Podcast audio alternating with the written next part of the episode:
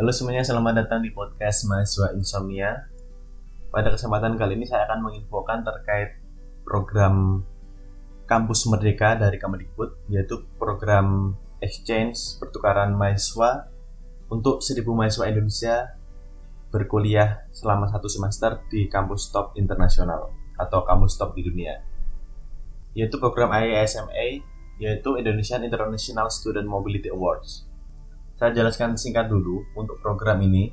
Selama satu semester kita akan melakukan perkuliahan di kampus yang kita apply dengan kredit setara 20 SKS.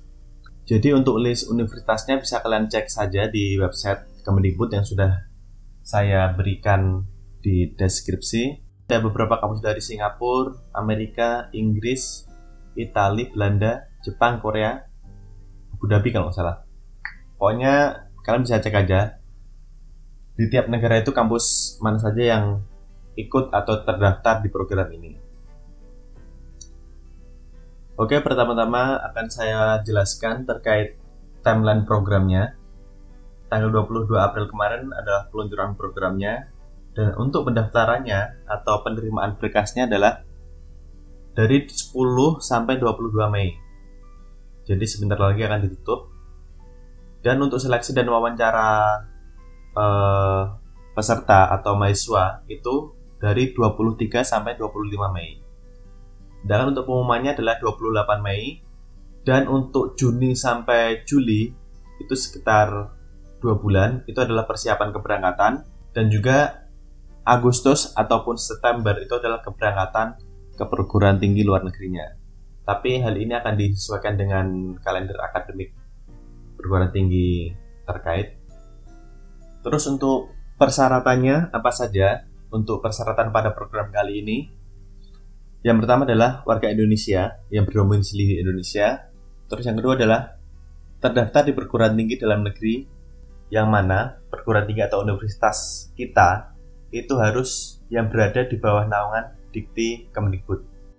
Yang ketiga, menempuh perkuliahan di semester 4 sampai 7 pada program S1. Jadi untuk program ini hanya untuk mahasiswa S1 saja. Terus yang keempat itu dinominasikan oleh perguruan tinggi negeri asal kalian. Kalian bisa cek atau tanya ke kantor urusan internasional kampus kalian, apakah kampus kalian mengikuti program ini apa tidak? Karena kemarin sebelumnya sudah ada tawaran dari Dikti menawarkan program ini. Apakah kampus kalian join apa enggak? Itu kalian tanyakan saja di kantor urusan internasional. Terus yang kelima, memiliki kemampuan bahasa Inggris, di mana untuk skor minimum IELTS itu 6, TOEFL IBT itu 78, terus TOEFL ITP itu minimal 550. Dan yang terakhir, kalian juga bisa menggunakan Duolingo English Test dengan skor minimal 100. Ini yang unik, kalian bisa menggunakan Duolingo English Test.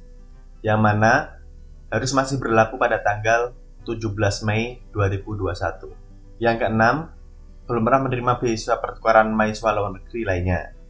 Jadi sebelumnya belum pernah mengikuti program sejenis ini. Terus yang terakhir adalah bersedia mengikuti peraturan dan ketentuan yang berlaku yang ditetapkan oleh Kemdikbud selama mengikuti program ini. Lalu selanjutnya apa sih manfaat atau keuntungan beasiswa ini? Yang pertama adalah yaitu uang pendaftaran dan SPP yang akan dibayarkan langsung ke perguruan tinggi mitra luar negeri. Yang kedua adalah biaya perjalanan berupa tiket pesawat pulang pergi dari kota asal kampus kalian ke kota tujuan kampus kalian.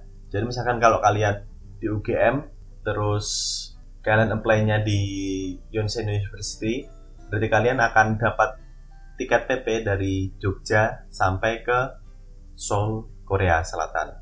Seperti itu. Terus yang ketiga, itu biaya bulanan selama kalian di sana.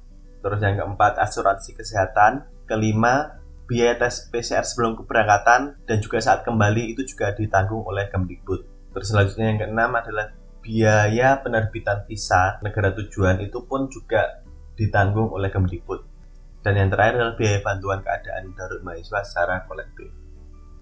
Untuk kriteria khususnya sih kalian beradaptasi IPK minimal yang dipersyaratkan itu adalah 3. Catatan untuk kalian, ini penting banget. salah satu persyaratannya adalah harus dinominasikan universitas asal kalian. Jadi otomatis sebelum kalian apply untuk mendaftar di websitenya Kemendikbud langsung, kalian harus mengikuti seleksi dari universitas asal kalian. Misalkan kalau kalian di UGM, ya kalian harus mendaftar dulu di kantor urusan internasionalnya di UGM. Kalau kalian di UI, ya kalian harus daftar dulu di kantor urusan internasionalnya di kampus UI. Begitu juga dengan kampus-kampus lainnya. Dengan catatan harus kampus-kampus yang memang terdaftar untuk mengikuti program ini.